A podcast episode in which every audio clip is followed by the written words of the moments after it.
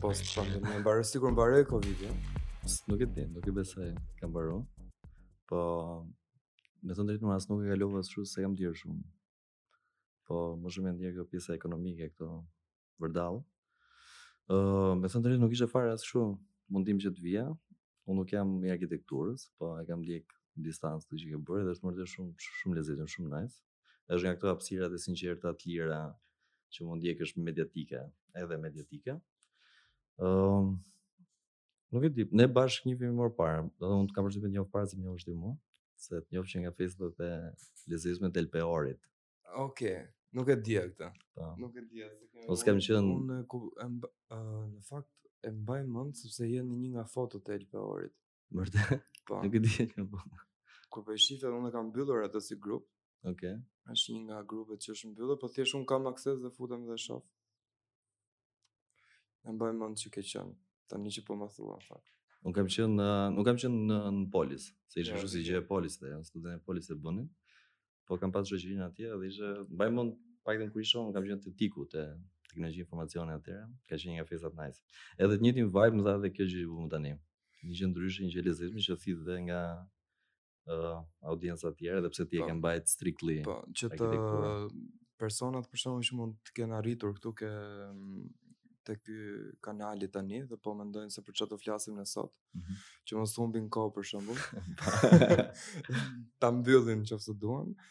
Ne sot do merremi pak me arkitekturën, si lidhet me pjesën e komunikimit, meqë ti ke punuar te kjo pjesë, ke një po. eksperiencë edhe punon.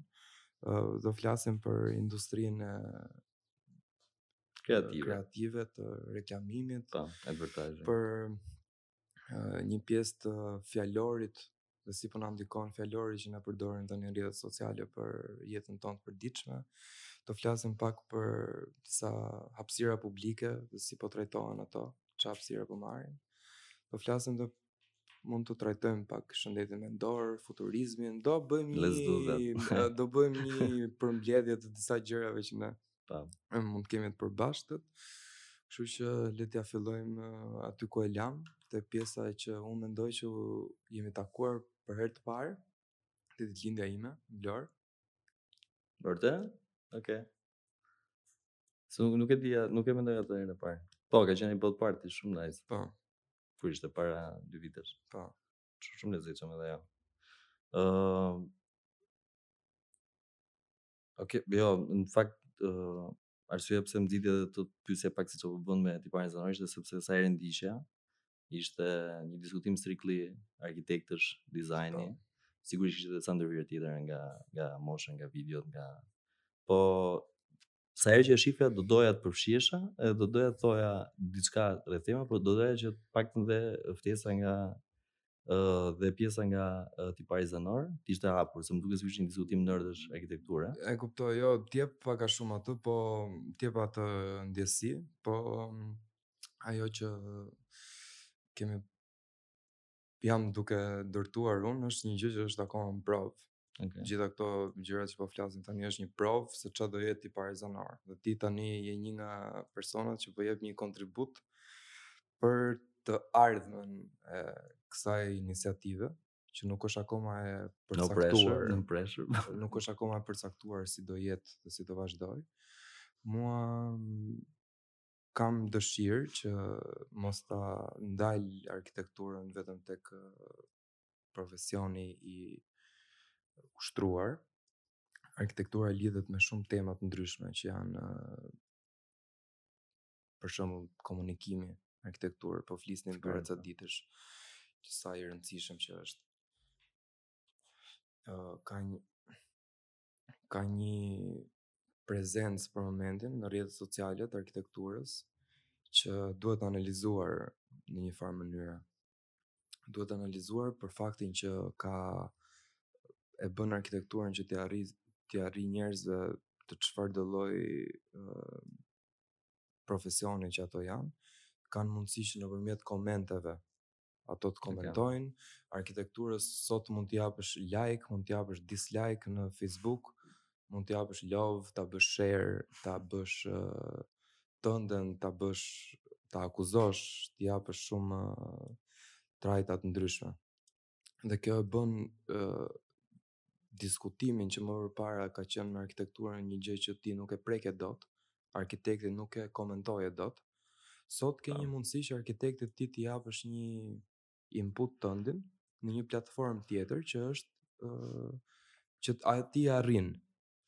Sepse arkitekti më përpara nuk ka qenë i prekshëm, ka qenë te high tower i vet që aty me klerin me me gjithë këto. Kështu që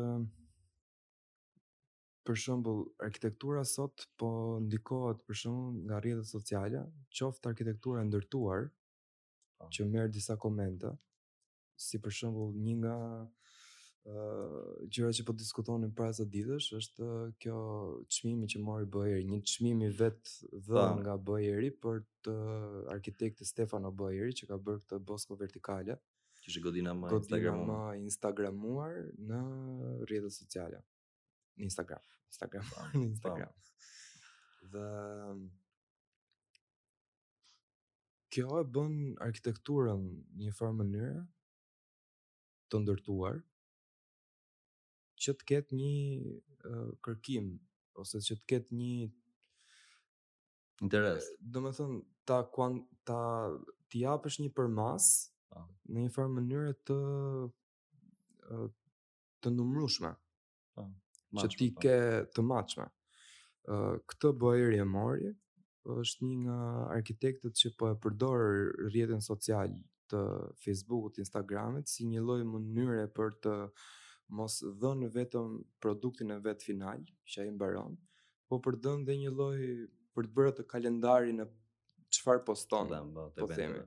Uh, një ditë ai poston uh, një arkitekturë të vetën, një ditë mbron një kauzë sociale, një ditë mbron një ndërtesë tjetër, një ditë komenton një ndërtesë tjetër, një ditë bën share një kauzë që po ndodh, një ditë bën uh, koment për mbrojtjen mjedisore, domethënë arkitekti Tani që po shoh unë, kohët e fundit nuk është më thjesht bëra një ndërtesë e hodha nesër në Instagram, por është një komunikim i vazhdueshëm po.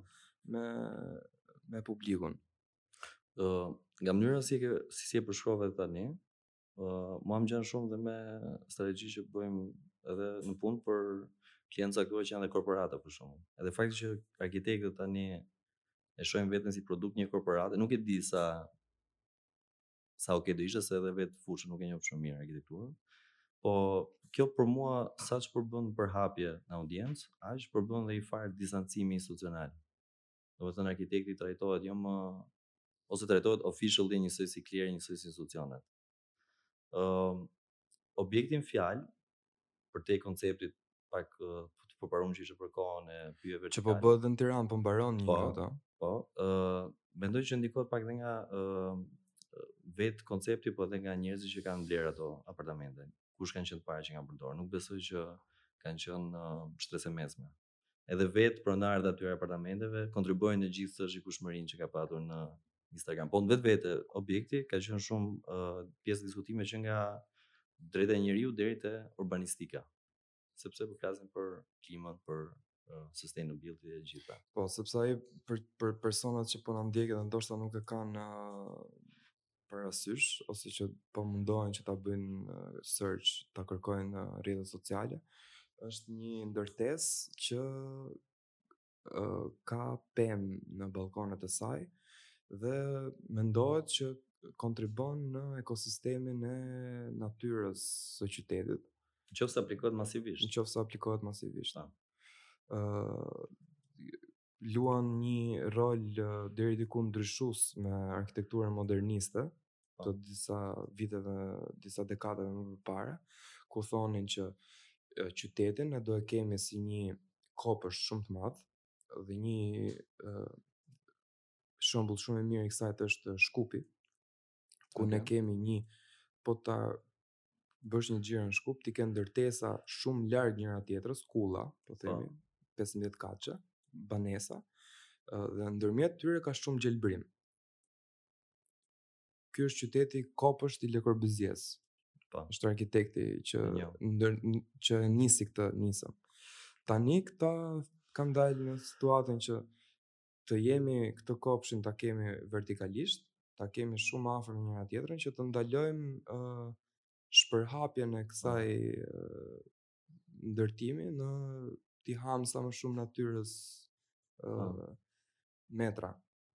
Domethënë të jemi më të dëndur mos kemi ato hapësirat 500 metra nga një ndërtesë në një ndërtesë tjetër, të kemi 20 metra, po ta kemi këtë kopshtin në vertikalitet. Dhe një nga këto ndërtesa po ndërtohet tek stadiumi Qemal Stafa. Po. Ë uh, unë uh, gjithmonë temat e arkitekturës faktikisht i kam parë nga, nga që s'jam i fushës. i kam parë nga më shumë nga ndikimi social. Edhe prandaj do flisim pak për publikën, sepse uh, sa herë që kam dëgjuar për arkitekturën për zhvillime urbane, mua më shumë ka rezonuar për zhvillime sociale sa zhvillime në vetvete arkitekturore.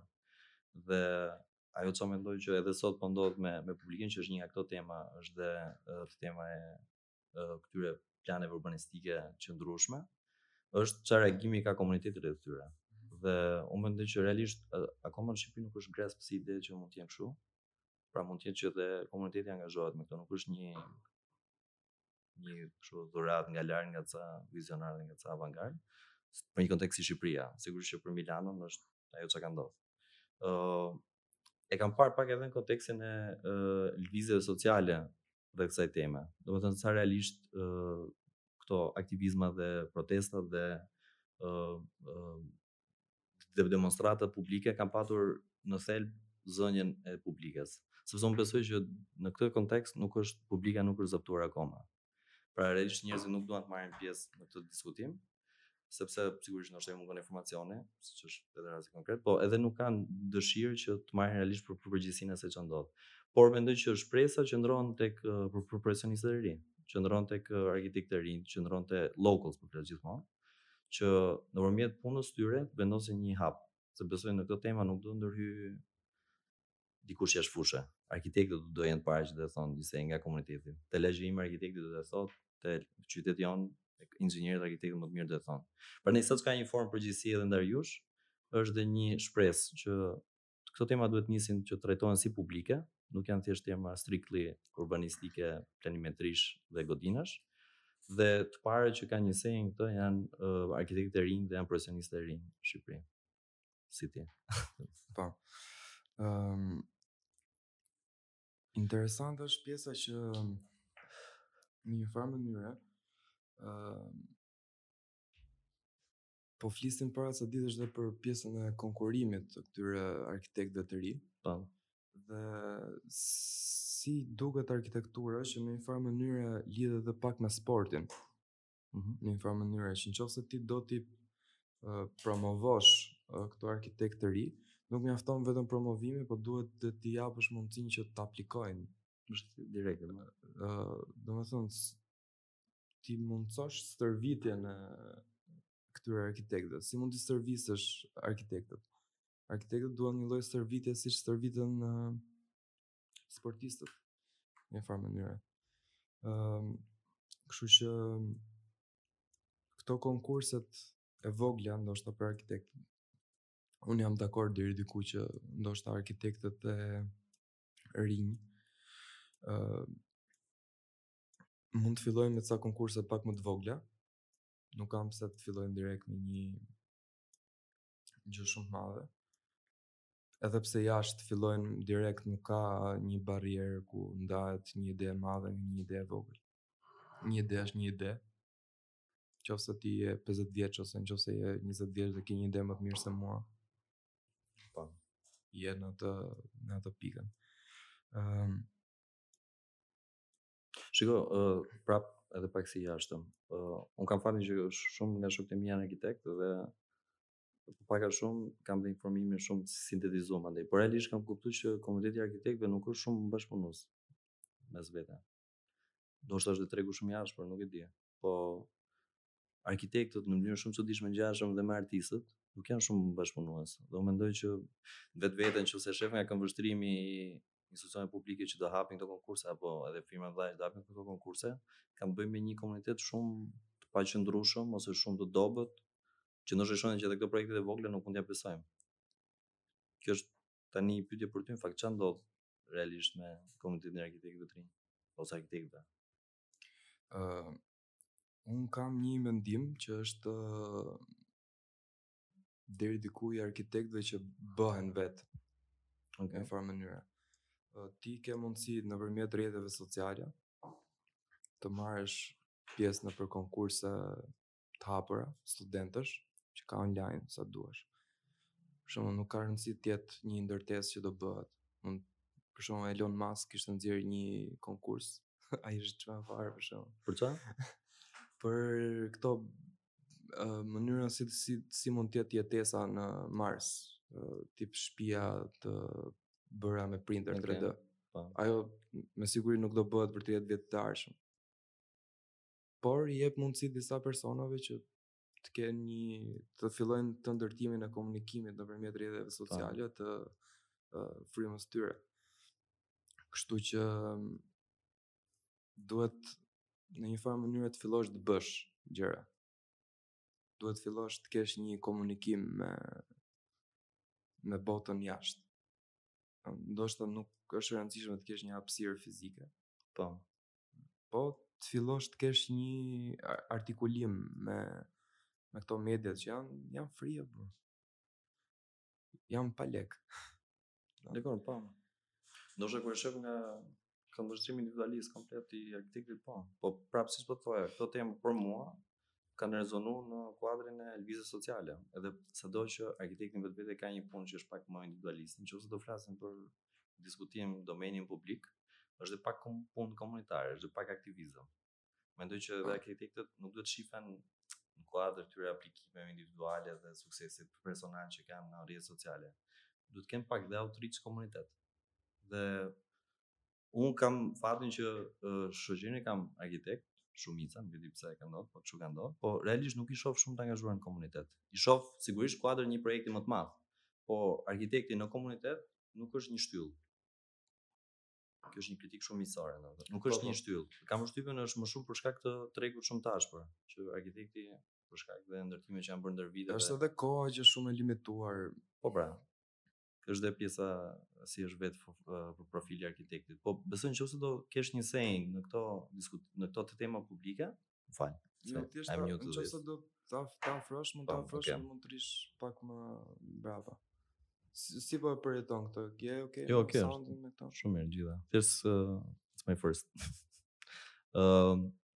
po thoja në qoftë se po flasim që në qoftë se diskutojmë këto tema publike, arkitektët janë para që do thonë diçka, para se të thonë diçka duhet të bëjnë diçka edhe me komunitetin.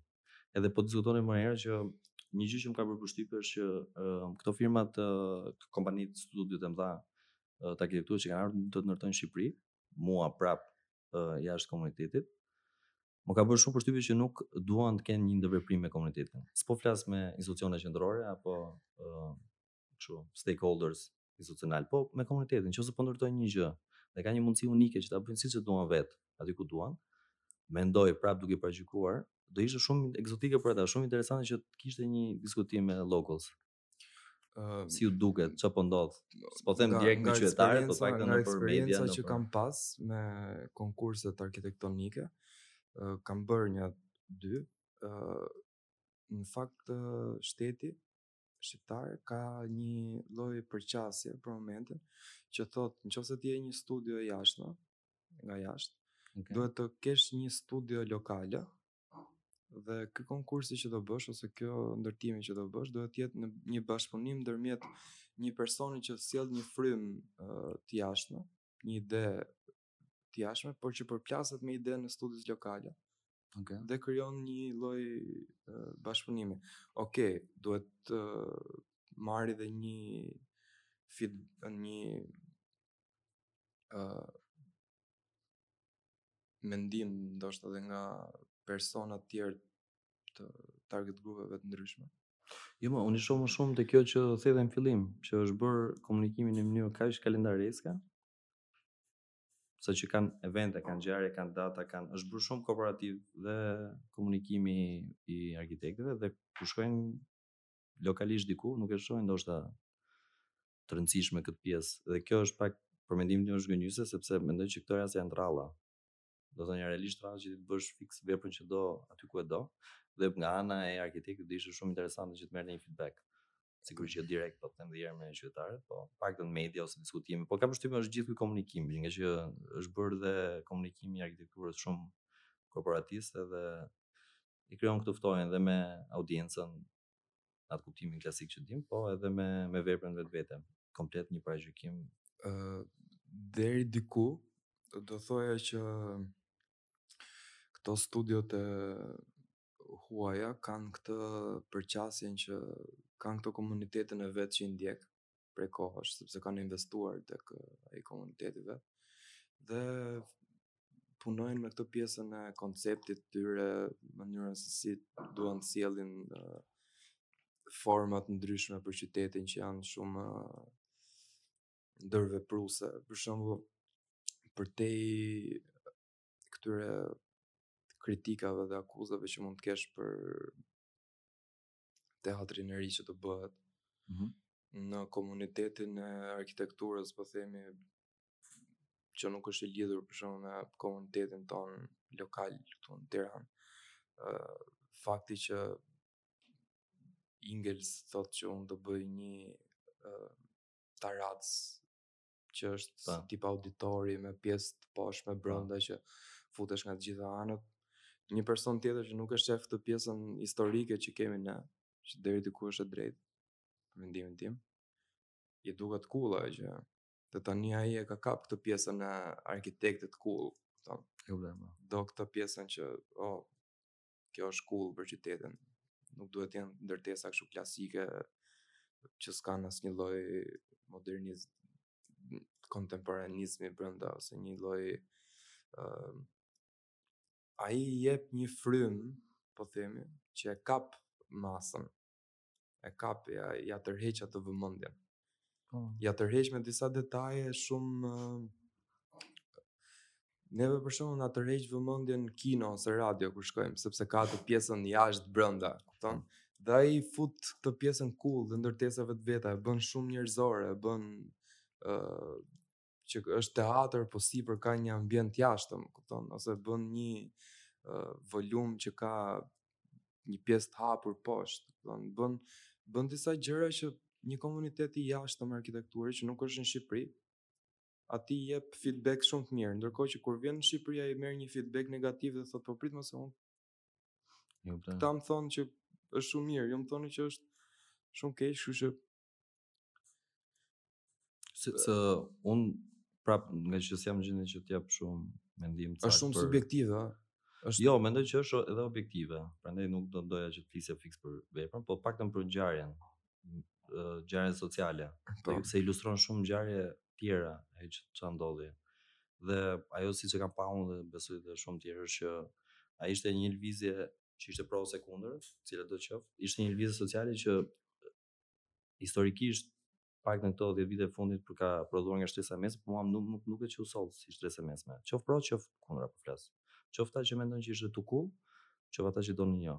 Dhe në vetvete këtu e shoh edhe problemin që këto lëvizje sociale që tipikisht nëpër botë janë shtresë e mesme ose të paktën upper middle class, ndoshta kanë bërë paqe me faktin që nuk, nuk janë dot aq të fuqishme, po të kenë aq shumë impact, dhe zgjedhin një farë elitizmi kundrejt realisht nevojës së shtresës së mesme. Pra ajo që unë kam vënë re këtu duke edhe njoh nga afër personat duke qenë edhe disa herë pjesë e këtyre ngjarjeve është që realisht nuk ka një sjellje prej shtrese të mesme rreth këtyre diskutimeve.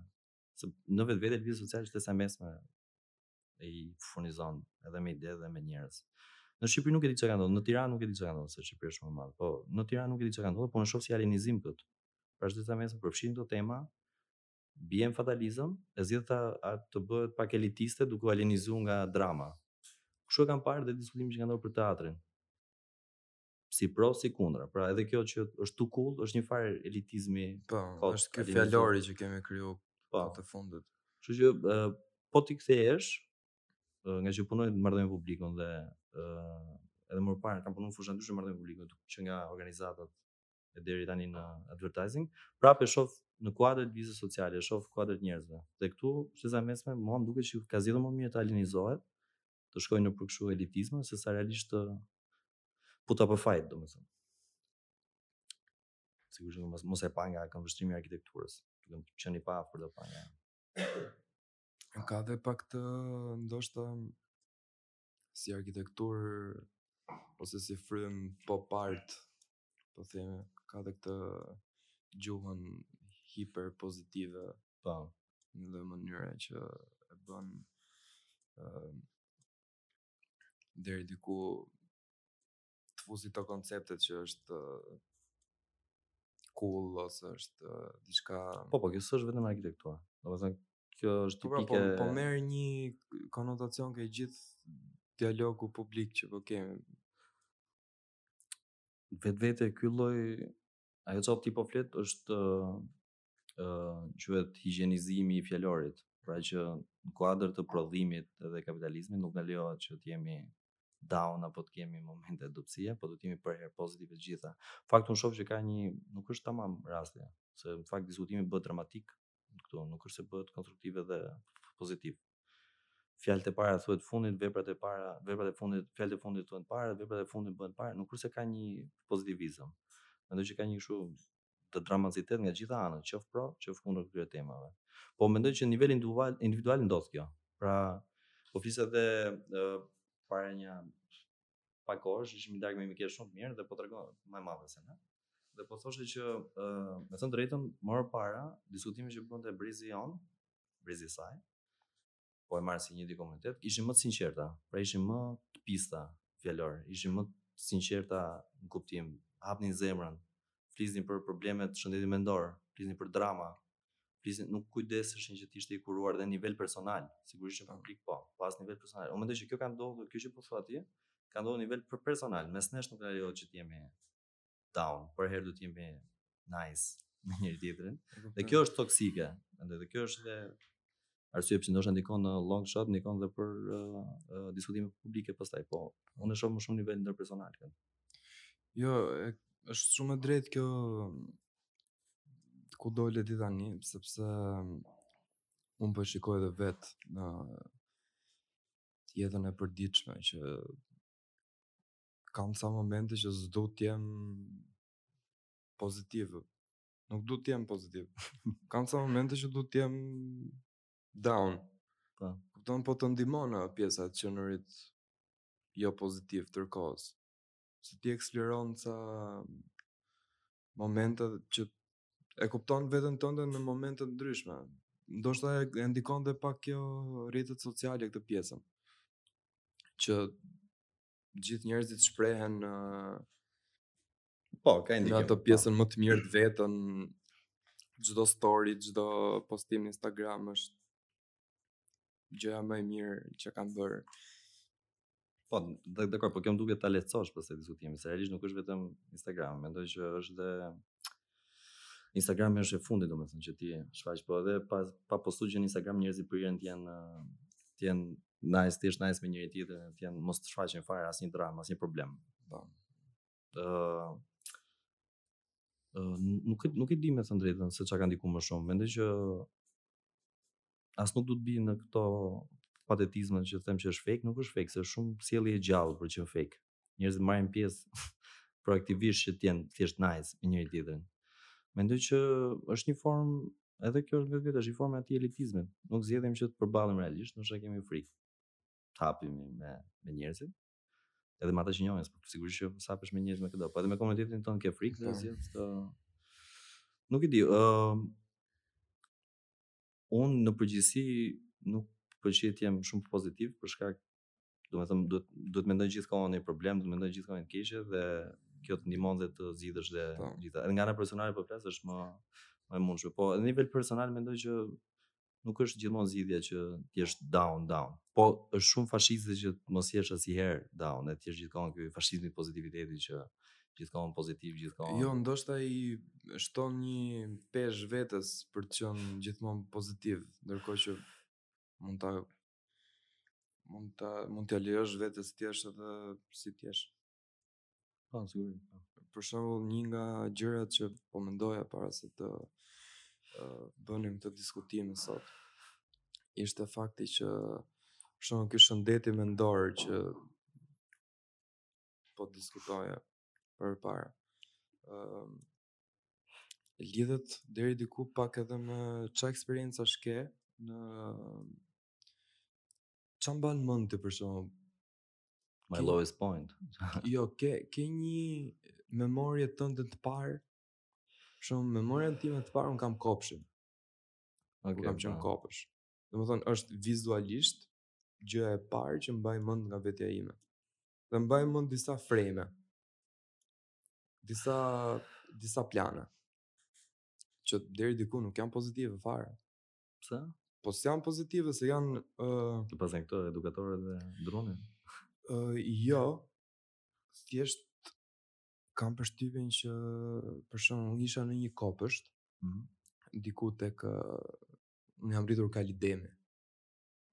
Ishte një kopësht në të cilën ok, shkoja, me jo me dëshirë. Dhe kam përshtypjen si shumica e fëmijëve. Vinte një moment që na sillnin drekë për të ngrënë. Ajo dreka ishte gjellë. Dhe ti nuk kishe asnjë lloj zgjedhje. Për ta ngrënë apo jo atë. Dhe të vinte presioni nga edukatori që kishe, thoshte që duhet ta haje patjetër. E di, e di. Kupton? Ë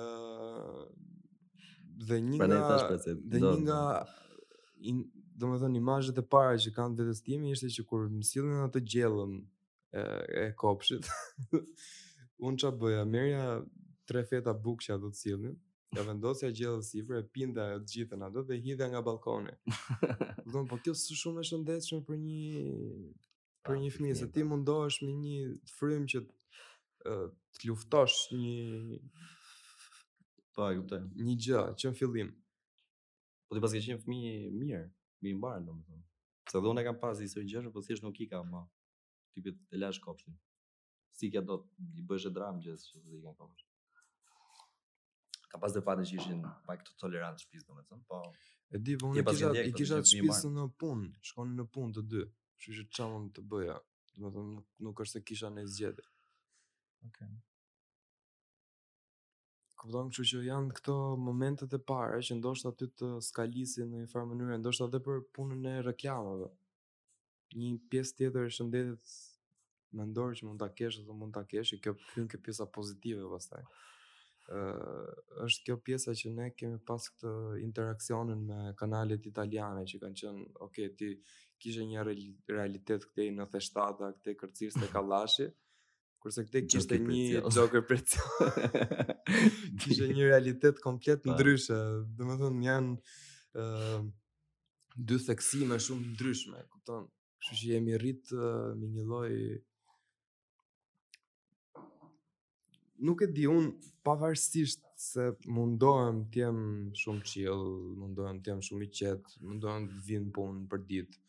Kupton, janë ca interferenca që vijnë nga poshtë kupton që janë janë prezente. Po për shembull kur ke qen down ose më tek kështu poshtë. Me kë ke ndar?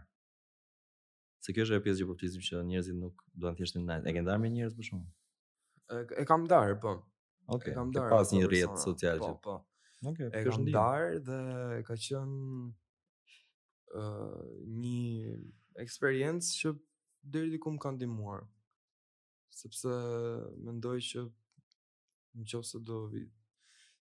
Deri diku pjesa më e vështire një lloj depresioni, po themi, është shenjat e para janë izolimi, që ti fillon pret, pa. dënja, pret këtë, pret këtë, pret këtë dhe izolohesh ngelesh vetëm. No. Deri diku më ka ndihmuar fakti që Mendoj që nuk kam ndonjë gjë aq shumë të madhe për të fshef. Nuk është në i... Prandaj nuk kam frikë dhe nga këto vjedhjet e të dhënave, vjedhjet e... Domethënë, se më kanë marrë mua numrin e kartës identitetit, më kanë marrë numrin e telefonit. Who cares? Le ta marrin, çfarëdo që të që të më bëjnë nga ajo. Ndoshta... Ndoshta dikush tjetër mund ta lidhi në një lloj mënyre, do të ketë një lloj privatësie, po Unë mendoj që është temë shumë e ndjeshme Pleko, në fakt, po pa i vy këshu historisë, a ishë mirë ajo listë, apo s'ishte mirë listë, më ka bërë shumë përshtypje një gjë te, meqë hape temën e këtyre privacisë, përcaktimet që ishin bërë aty për votuesit, edhe një seksion ishte që fliste për pjesëtarë komunitetit musliman, dhe thoshte që është musliman praktikant dhe e ka e ndalon feja të votojë. Po. Po kjo ishte disa herë. domethënë ato herë që e lexova në artikull qe përsëritur po. Po, pra ka shumë njerëz të tillë. Unë s'e kam parë atë listën asnjëherë. Unë për kuriozitet e pashë, besoj gjithë jemi fut kemi parë. S'jam nuk jam po. bë kurioz vetëm për faktin që mendoja që lista do kishin E di po këto përcaktime më duken të sinqerta deri diku. Dhe unë po të hapja një parti nesër do bëja një listë për të parë ku jam, nëse po, për të parë ça, ça do bëja me jetën time, me partinë time. Dakor, pjesërisht arsyeja pse më bëri përshtypje është që këto ishin vlerësime të sinqerta të këtyre personave që ishin in charge të po, këtij po. informacionit. Dhe fakti që kaq shumë njerëz të komunitetit tonë, po. që unë e shoh komuniteti im. E kupton, do ndikon ajo ty te komuniteti jot, te lagja. Po, sepse praktikisht ti po thua që këta njerëz Po. Për te bindjeve fetare gjitha, nuk do marrin pjesë në një proces që ne kemi rënë dakord që është për t'u bërë. Është proces që na lidh, më shumë se na ndan. Kjo më duket shumë, domethënë, kishte shumë kategorizime dhe nga më idiotet kështu, po kjo më bëri shumë përshtypje se ishte disa herë e shprehur ndryshe, po e njëjti i njëjti mesazh ishte që këta nuk duan të marrin pjesë, nuk e lejon feja të marrin pjesë. Ë, uh, unë besoj që ë uh, se kjo nuk është kaq bardhezi si temë. Nuk besoj që komuniteti musliman nuk do të marrë pjesë në zgjedhje. Mendoj që është më e thellë se kaq dhe nuk e përcakton ajo tekfjali aty. Po besoj që do të bëhet një diskutim edhe për këtë pjesë. Domethënë këto, nëse kishte një gjë të mirë gjithë ky episod, po e marrim të mirë që është e vërtetë, ishte një pasqyrë shumë e sinqertë e situatës sociale nëpër lagje. S'po u hyjmë tjerave, merrem vetëm me këtë se mendoj që ka rëndësi. Po. Pra që disa njerëz nuk zgjedhin të marrin pjesë në disa procese. Dhe zgjedhin mos marrin pjesë në disa procese, nuk i po. njohin. Që janë procese që na lidhin. Po, sepse mendoj që domethënë se s'bën lagjen do e kemi një, se s'bën ky komunitet edhe do shtohet dhe ne duhet bëjmë një diskutim shumë të sinqertë. S'ka një thënie aty. nuk duhet të nuk duhet të fshihemi pas tyre klisheve që jo po fetar, jo po feja, normal se feja dhe këto nuk i besoj këtyre, nuk mendoj që është kaq e cekë kjo tema. Realisht ky komunitet përtej këtij përcaktimi fetar ka pafund përcaktime ekonomike nga mbrapa, ka pafund përcaktime mjedisi social aty jam shumë i sigurt që ka të bëjë me edukimin në fund fare, nuk ka të bëjë domethënë vetëm me fenë, dhe vetëm që ndalon feja marrin pjesë në procese. Sorry, bro. Ëh, uh, thjesht tërhiqe pak më okay. shumë. Që ta kesh më, të jesh më.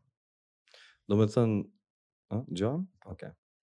Domethënë, edhe mua më, më ndikoi çik dhe isha në mendime për këtë pjesën e privatësisë, po pastaj m'u duk shumë entertaining lista në vetvete, u mora me këto kategorizime dhe kjo më bëri më shumë përshtypje. Dhe mendoj që do ishte një rast shumë i mirë për të bërë dhe mund të nisim këto aktivizma, diskutime të sinqerta në lagje për tema të mëdha, mund ta nisim këtu. Po, shumë interesante në fakt, pjesa që se ne po flasim për arkitekturën tani dhe për komunikimin, po fundja një person që nuk ka një të thënë të vetën te një proces. Ça t'i interesojë atij për arkitekturën? Për ça po flasim? Po se s'do ketë as te ato konkurse që ti po thoje që do ishte mirë të ndodhin. Kur s'i interesojnë këto të mëdha, ato të vogla jo jo. Pra, avash avash është një si domino efekt që domethënë vetëm po përshkallëzohet. Unë s'marr pjesë te ky proces që është shumë i madh, pastaj s'marr pjesë në proceset e vogla dhe në fund fare jemi disa nuk jemi më as komunitet, jemi si çfarë si oazë kështu nëpër pallate. Po. Ëh. Kjo ndikon diku dhe te lëvizja e një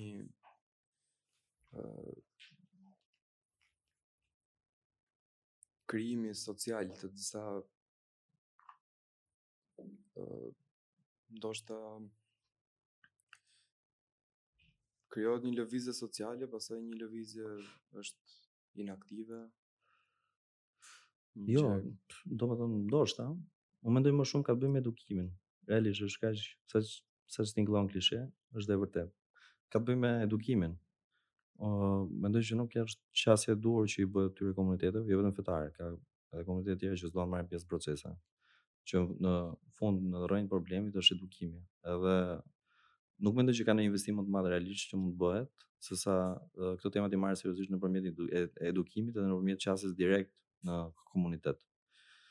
Në një anë se këtu jam bias, nuk jam shumë objektiv, ndikon pak dhe komunikimi komercial, ndikon pak dhe advertising, ndikon pak dhe komunikimi politik komercial.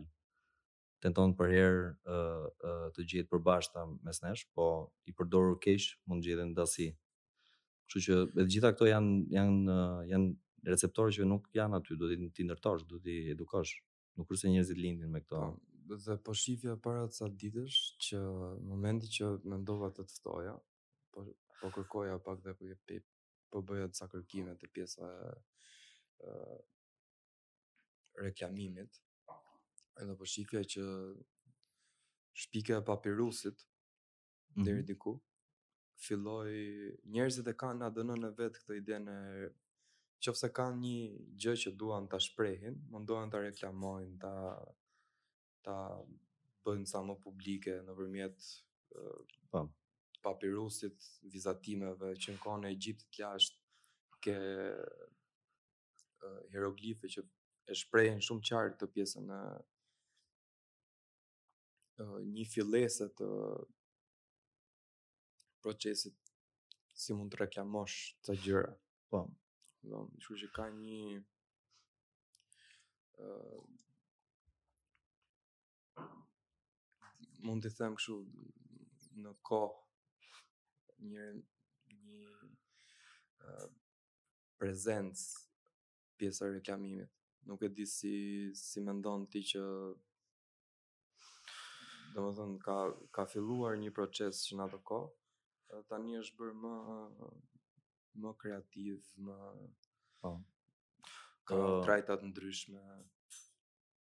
Unë kam pak më shumë se një vit pak që punoj në industri dhe fatmirësisht kam pas edhe në ambientin e punës kam pas një mentorim shumë të mirë dhe kam pas mundësi që të mësoj shumë shpejt dhe një nga ë po them një nga sociologët që ka fol më shumë për këtë që përmende ti, që kam njohur, është Jean Baudrillard quhet, është një francez. Edhe i bën më shumë kritikën politike ndaj advertising. praktikisht ai thotë që ë shoqëria nuk është se po shef kur reklamohet apo kur ka një komunikim komercial. Shoqëria thjesht ka nxjerr veten e vet në display. Pra është një marrëdhënie, nuk është vetëm njëanshme, është marrëdhënie dyanshme. Dhe gjithë kohën advertising nuk nuk rri dot besoj unë pa uh, inputet e undergroundit social, pa inputet e lëvizjeve kulturore sociale. Është pa, po, për ne do jetë i ftohtë, do jetë fallco. Kështu që mendoj që prap po t'i kthehesh është një punë komunitare që shkon tek edukimi, shkon tek qasja e sinqertë ndaj për ndaj problemit. Dhe e vërteta është një target shumë i lehtë që të kapësh nëse do të flasësh për probleme sociale, sa sigurisht duket edhe si kështu. Ë uh, një industri super e ftohtë që vetëm bëhet një ë uh, një paragjykim i njerëzve, po realisht vetë vetë advertising ka një prezumim të kolektivitetit.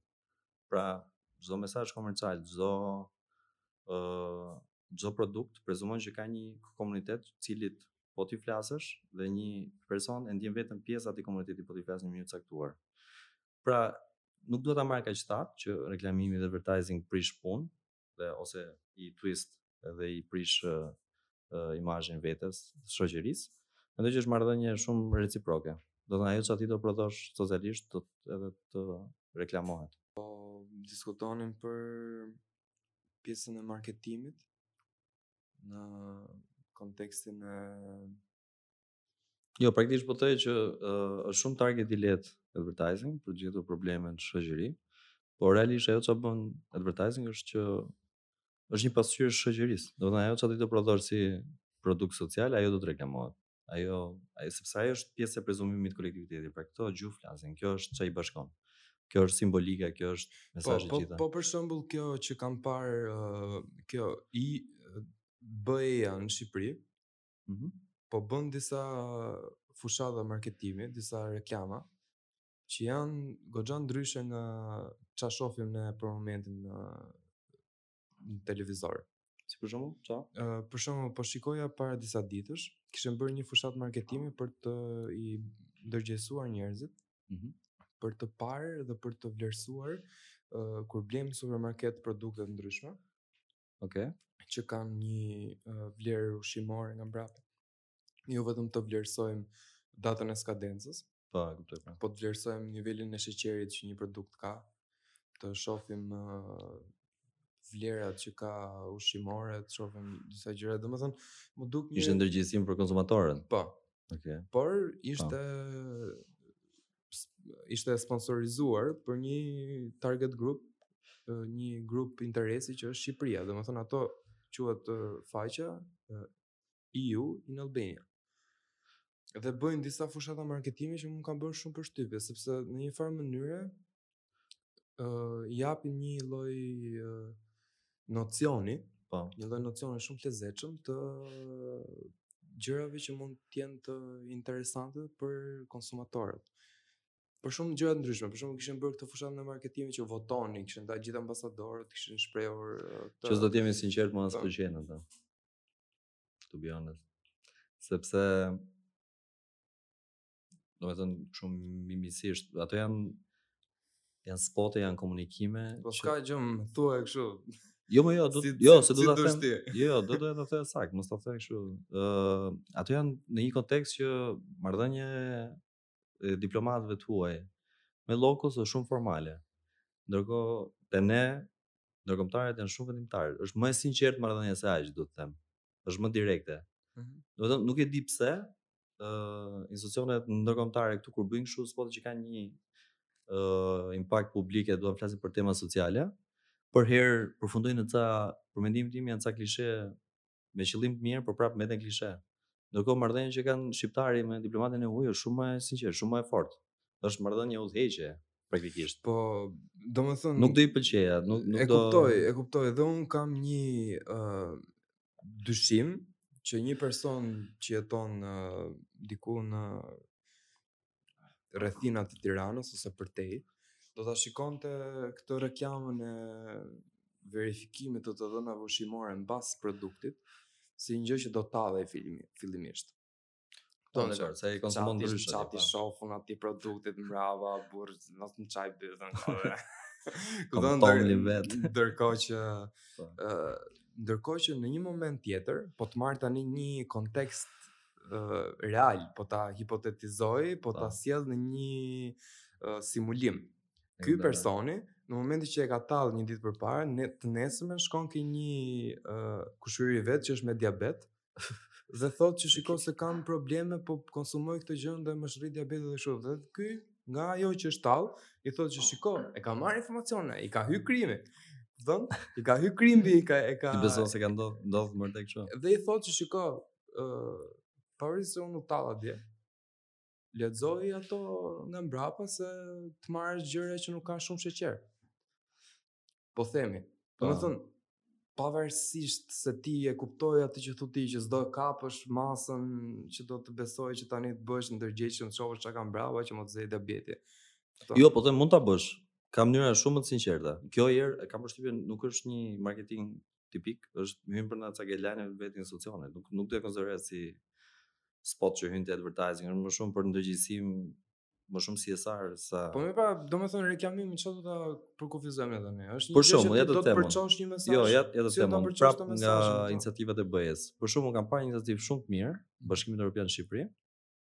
ë që praktikisht thot në video sa ka qenë investimi i BE-s në Shqipëri. E thot në mënyrë atë mënyrën që un po thoja dhe po kundërshtoja spotet voto dhe të gjitha këto. E thot në mënyrë shumë të sinqert. Pra, fermeri shqiptar ka marr kaq milion euro. Këto pemë dhe këto ara që ju keni mbjellë janë nga lek të BE-s. Është shumë e sinqertë, shumë direkte. Këto janë ça un do të pëlqeja nga një institucion ndërkombëtar. Dhe realisht kjo vjen kam përshtypjen në kuadër të një marrëdhënie me publikun që ata kanë pak më të ftohtë, mendoj unë. Këtu ambasada amerikane konsiderohet shifet pak si më e angazhuar në shumë tema, ndërkohë prezenca e BE-së është në në kuadër të një formalizmi dhe një drejtimi pak më mbi temat e zakonshme. Dhe ata kanë dashur që njerëzve t'ju thonë që jo, nuk jemi kështu. E kuptoj. I flas, kemi kontribut po, direkt. Po, domethënë, uh, ajo që po mendoj që po rrahim tani mm -hmm. te ky diskutimi ku doli shtegu po, është fakti që kemi disa reklamime po themi po ose mënyra reklamimi që janë komerciale dhe disa që janë thjesht informuese domethënë jo çdo gjë që është pjesë e reklamimit duhet t'i shërbejë biznesit domethënë ne shikojmë dhe në filma dhe në media të tjera po që jo çdo gjë që është te fusha e reklamimit shkon për të gjeneruar të ardhura. Nuk e kuptova çfarë thoshe.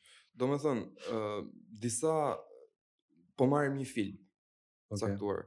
Te ky filmi ka uh, fre uh, imazhe të caktuara që një futet një kompani që bën pije energjetike.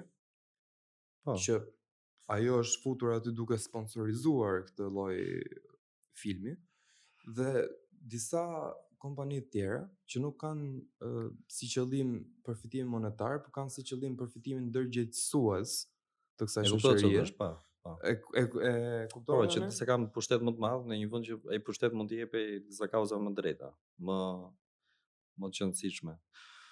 Ku ku ta di unë domethën po mundohem që ta ta shikoj në perspektiva të ndryshme, po mundohem ta hap atë këndvështrimin e marketimit. Po, domethënë çfarë është marketimi në fund fare, është vetëm uh, një mundësi për të përfituar para apo është dhe një mundësi për të ndërgjegjësuar audiencën. Unë mendoj që realisht po të shohësh kompanitë që janë serioze në marketing, në vetvete kanë më shumë uh, awareness, kanë më shumë ndërgjegjësim se sa shitje për produkte. Pra, uh, edhe kompanitë e mëdha që thua ti si Pepsi, si këto, kanë uh, shkuar drejt kësaj. Edhe pse në vetvete unë mendoj që nuk është shumë e sinqertë, për shembull tani po përdorin kauzat sociale, si klima, uh, gender issues, LGBT, dhe i përdorin në kuadër të fushatave të tyre. Për shembull rasti më klasik që besoj e kanë parë të gjithë ishte rasti i këtij uh, futbollistit Koperniku në Amerikë. S'e kam parë këtë. Çfarë është kjo? Ishte ky uh, sportisti afroamerikan i cili tha këtë për të drejtat e uh, zezakëve në Amerikë praktikisht. Okej. Okay. Uh, edhe ishte më shumë e orientuar drejt dhunës policore. Dhe ajo që bëri është që Nike e ftoi edhe të thoshte ato që kishte për të thënë në një nga spotet e veta. Kur e shef në pamje të parë, sounds good. Dhe varet si e përdor. Për shembull ja një rast i mirë që disa kauza që shumë vështirë në komunitet çajnë, disa korporata të mëdha vijnë i marrin. Edhe këtu në Shqipëri ke disa iniciativa shumë shumë të lezetshme që kanë përdorur këtë për kauzat dhe i asociojnë me produktet. Për shembull kjo Hana Po, gocat. Gocat e Po, janë shumë nice. Mu pëlqen shumë çfarë kanë bërë me ripërdorimin, po. më fal të veshjeve. Po. Ajo për shembull, ajo si mundësi është e njëjta. Pra që ne përdorim kauza sociale, politike, mjedisore në kuadër të produktit dhe bëjnë marrëdhënie shumë të sinqertë me marrëdhënie që do të ketë klienti me produktin, blerjen. Sigurisht i shton pak dhe ndjenjë, nuk e bën thjesht një mall, që është tipike, po prap mendoj që është shumë mirë dhe sidomos në një kontekst shqiptar është shumë uh, revolucionare, sepse është shumë besoj unë është shumë diskutimi është pak më i cekët se kaq njerëzit nuk do e kuptonin dot kaq që uh, që këto goca po hapin një uh, biznes dhe praktikisht në vetvete fitimi është dhe një fuqizim i kauzave. Nuk e po. lidhin, nuk besoj se ndodh. ë uh, prandaj i përgëzoj. Domethënë kjo si mundësi ekziston. Advertising ka dhe këtë anë.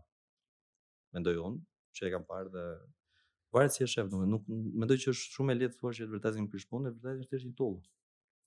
Biles mendoj që në fakt arkitektët dizajn, me sa kam njoftur, ë uh, janë shumë shumë të mirë. Unë kam pëlqyer shumë që kanë punuar dhe kam njohur. Nuk e di a ka të bëjë profili i arkitekturës, po mendoj që në Shqipëri dizajni ka më shumë impakt, po të flas në kuptim uh, grafik. jo thjesht dizajni i fushatës apo dizajni në, në përgjithësi, ka më shumë impakt se sa po them uh, copywriting, po them uh, disa procese të tjera të advertising. Dhe mendoj që arkitektët e kanë përdorur mirë këtë. Mendon që ka shumë më tepër uh, ka shumë më tepër rëndësi tani që nëpërmjet rrjeteve sociale ti ke mundësi dhe ta shfaqesh atë, ta marketosh atë gjën që bën. Po, sepse më përpara ti mund të bëje gjë shumë të vogël dhe në qoftë se s'do bëje piramidën në kohë të komunizmit, ty nuk do të njihte njeri për të qenë arkitekt, këto. Ndërkohë tani mund të bësh një gjë, ku ta di unë, mund të ridizenjosh Bar Ilirinë. Që bëri dhe sot ka ditëlindjen Ariani. Që ka ditëlindjen Ariani, është një nga Interesante është për t'u. Do një podcast në veten. Për pa. Një episod në veten. Unë e kam frekuentuar ca herë, më pëlqente ajo atmosfera aty. Ai theksimi i ndryshimit nga një ndjesi nga një lokal i bllokut tipik në një ndjesi te Ariani. Po mendoj ajo çka ka bërë ka qenë fix dizajn aty Ariani, thjesht dizajn social. Se me ato ti s'futesh, ti futesh, është një dizajnim ajo. Pse ka qenë ashtu ti futesh ti s'futesh? Po, nëse ishe i papërshtatshëm për Arianin, edhe nuk, nëse ishe, silleshe keq edhe nuk e respektoje atë domenin aty, sepse vetvetiu ai çfarë po ndërtonte ishte një agora, nuk ishte një lokal, nuk ishte një mejhane. Mm -hmm. Ishte realisht një komunitet njerëzish dhe e donte shumë të çiltër, e donte shumë të hapur. Edhe vetë ishte shumë ishte i tillë. Pak aq sa e kam njohur, s'kam qenë ndër klientët më të rregullt të Ilirisë. Jo, as unë s'kam qenë. Po ndër vite ka qenë përherë Iliria në ë uh, vende që unë shkoj. Domethënë një herë në muaj më pëlqente që të kaloja një herë për për të pirë një birrë kot në një atmosferë tjetër. Dhe më pëlqente atmosfera aty. Po mos e tjepa, kjo është ajo cilësia, ajo sinqeriteti i komunitetit. Ariani këtë bënte. Edhe mendoj që do i mungojë shumë ajo lloj hapësire dhe specifikisht Ariani do i mungojë shumë qytetit. Edhe ai lloj dizenjimi që bënte Ariani, se shumë njerëz, domethënë shumë pronarë ë vendeve të shërbimit edhe ç'janë këto që mund t'i quajmë si hapësira që njerëzit mund të takohen dhe mund të diskutojnë, të mos jenë domosdoshmërisht lokale, po bien pre e këtij, e këtij uh, konformizmi që ok, nuk po të del mirë në fund muajit, po e shes, po e jap. Ai e kishte të vetën, më duket.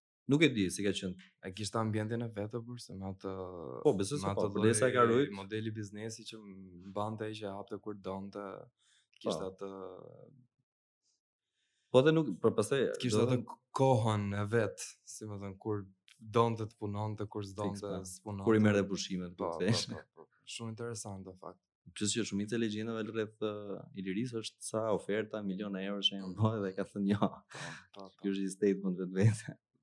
Që një statement e, Përkufizon, do çik më gjatë këtë pjesën e që fakti që ai nuk e kishte për turp dhe nuk e kishte fare problem që thoshte jo për një uh, një ofertë e kujon 2 milionë euro, 1 milion euro, 5000 euro dhe prapë vazhdonte me të njëjtin entuziazëm aty i mbante të gjithë, po i donte të gjithë edhe edhe festonte me ata jo si një pronar lokali apo kllon, po si pjesëmarrës, si shok i tyre. Ky është për mua deklaratë sociale. Është realisht çfarë po thotë unë, ky vendi është një free zone i gjithë konsumimit idiot, i gjithë tallavasë, në kuptimin e keq tallavasë. Ose këtë do të bëj unë, bro. Këtë do të bëj unë, me këtë do të merrem unë, këto, me këtë gjë dua, kjo gjë më përfaqëson mua.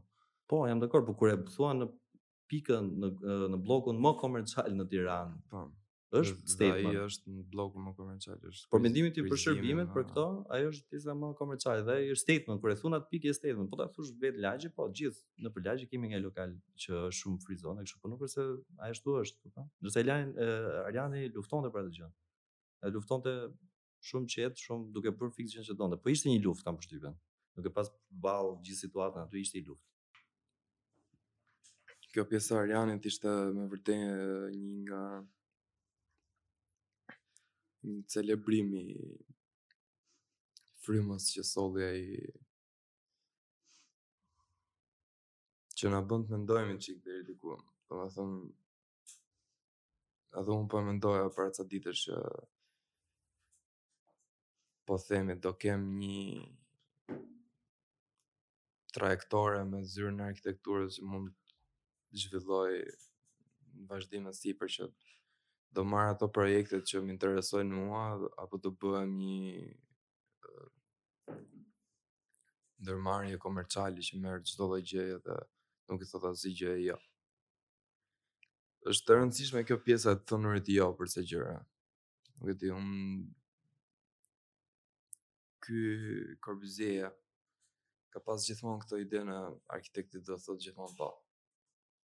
Tani sigurisht ka ndryshuar çik kjo mundësia. Arkitekti mund të thotë dhe çik jo. Mos lidhet çik me këtë pop star lipo?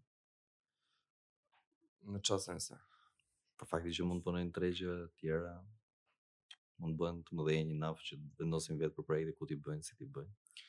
Ë uh, nuk e di, një arkitekt që po ndiqja, dhe është një arkitekt që mund më pëlqen shumë, është nuk është një star architect, nuk ka ndonjë projekt shumë të madh. Okej. Është një arkitekt që ka kriju një kapanon të vogël në një mal në Amerikë.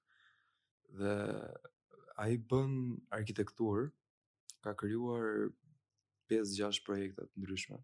Mhm. Shtëpish. Dhe ai të shet nëpërmjet e ka kriju shumë të mirë këtë pjesën e komunikimit, ka bërë dhe një libër arkitekti okay. sipërmarrës quhet Ar architect entrepreneur. ë uh, ka një kanal në YouTube dhe ai që quhet 30 herë 40 dhe flet për materialet, flet për, domethënë e ka shumë të zhvilluar këtë pjesën e komunikimit. Ajo që më intereson mua është fakti që ai flet për këto pesë projekte tip që ai bën. Dhe në qoftë se ti shkon ke ai, do të zgjedhësh një nga këto pesë projekte për ta bërë shtëpinë tënde. Okay. Dhe çmimi që ti do paguash për këtë arkitekt nuk është për 5000 euro për metër katror. Ti do blesh projektin tip të këtij që bën 1000 euro. Okej.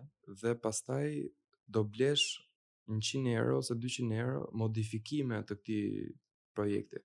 Domethënë ai ka krijuar bazën e asaj që do të të shesë ty.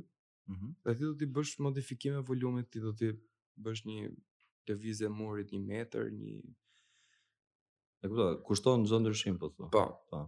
Dhe kjo e ka bë këtë në mënyrë që të ketë një rendiment ke puna e vet.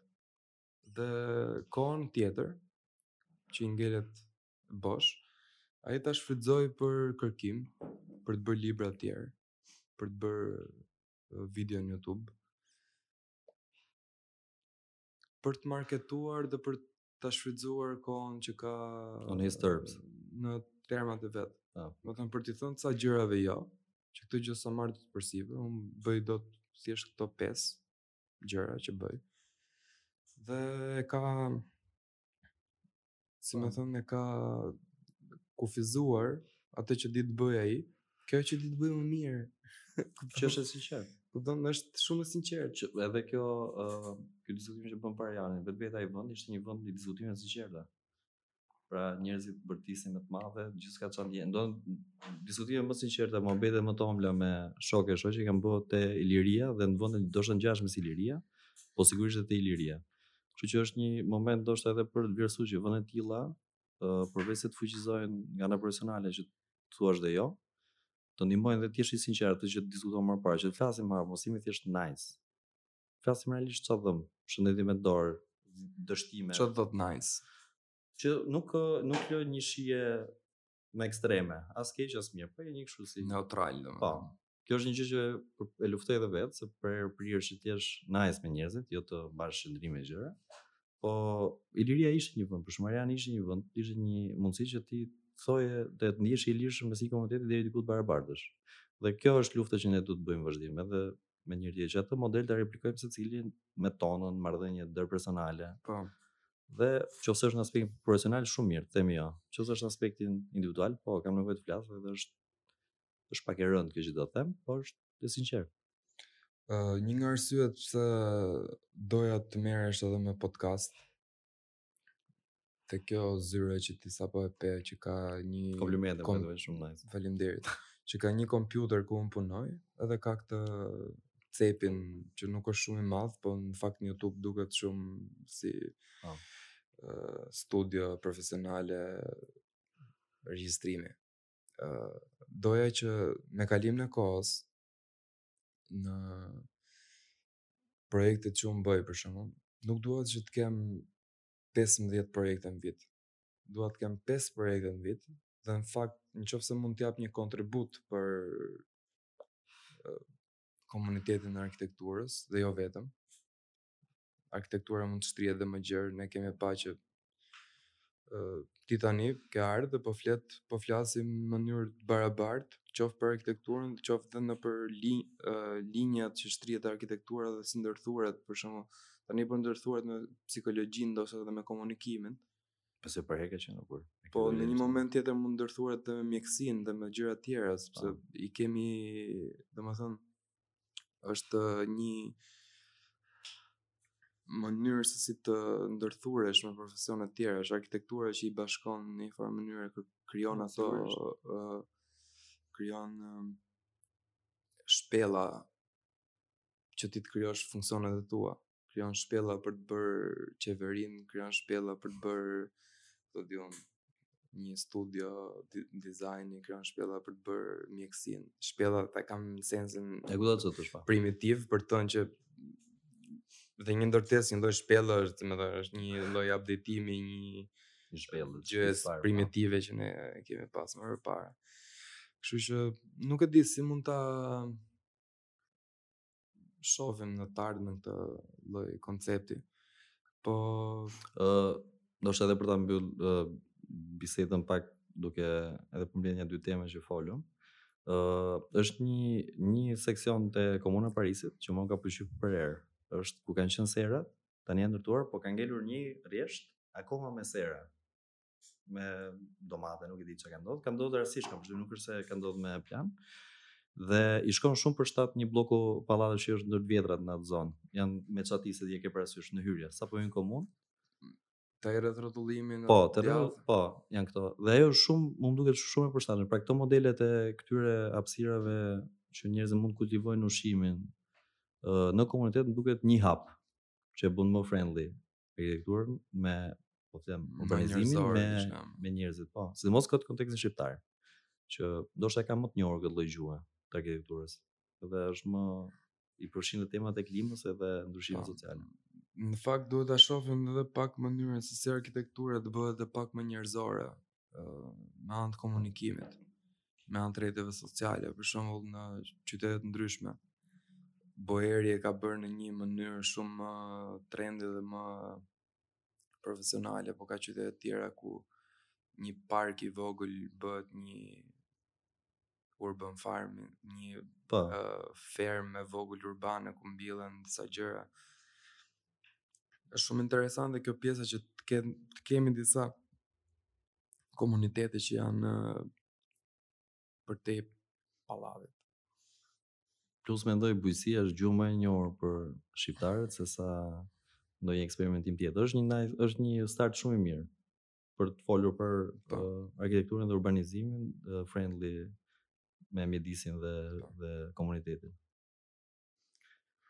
Dhe nuk e di se sa në të ardhmen, duke qenë se Tirana do vi do bëhet gjithmonë më e dendur për shkak të disa nuk e di kisha bërë një diçka në story share para pardje më duket që thoshte që qyteti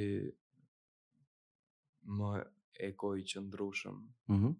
është qyteti që është më i dëndur sepse nuk përhapet nuk përhapet domethënë sa më shumë funksione të kemi në brënda një hapësire të kufizuar aq më shumë resurse kursejmë Po kam frikë që alienizohen njerëzit shumë, por se gjithsesi do të përfundosh në godina më të larta, do përfundosh në në situata që nuk je më i lirshëm, nuk je më te domeni yt. Do jesh më më në pallat, më shumë në pallat se sa në Po, po, do kesh atë pjesën që do jesh në pallat dhe do e kesh natyrën shumë afër.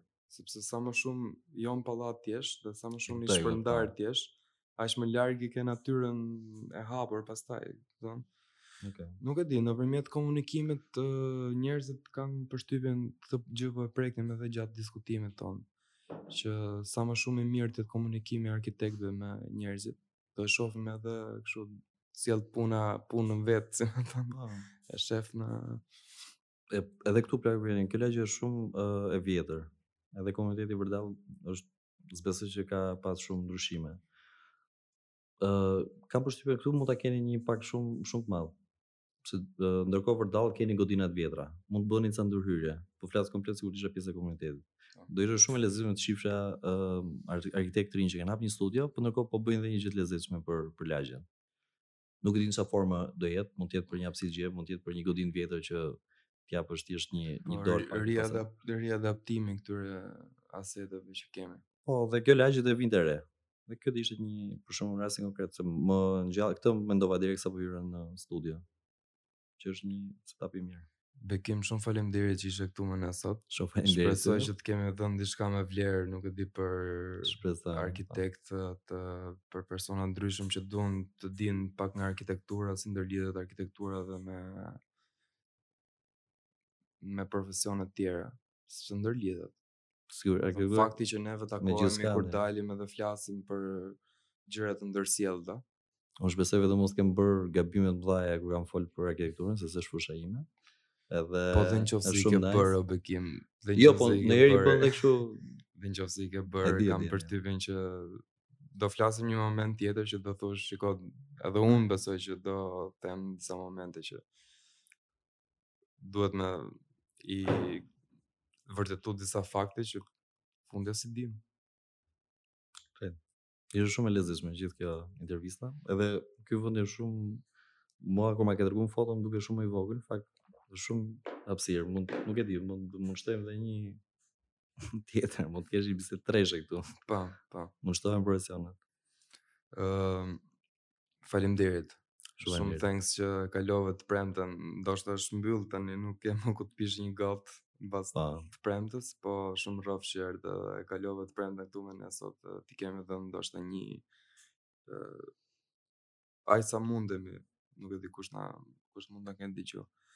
Uh, për gjithë ju që doni të na ndiqni, ju sugjerojmë që të bëni subscribe ke kanali jonë në YouTube, dhe të bëni dhe të klikoni dhe ke këmbana e njoftimeve. Në këtë mënyrë mund të keni një njoftim në kohë reale të episodeve të reja që do dalin. Dhe për gjithë juve që ju pëlqen arkitektura dhe ndryshim dhe deri diku mënyra si ndërlidhet arkitektura dhe me profesione të tjera, ose ju pëlqen bisedat që bëjnë arkitektët me persona të tjerë, të vëna në një kontekst sikur pinë një kafe njëri-tjetrin, dhe ju keni dhe një vesh te kjo biseda, mund ta ndiqni dhe në Youtube dhe në Spotify. Spotify është gjithmonë shumë më i lezetshëm, sepse të jep mundësinë që ta dëgjosh dhe duke mos e parë dhe duke bërë një gjë tjetër. Ju pafshim.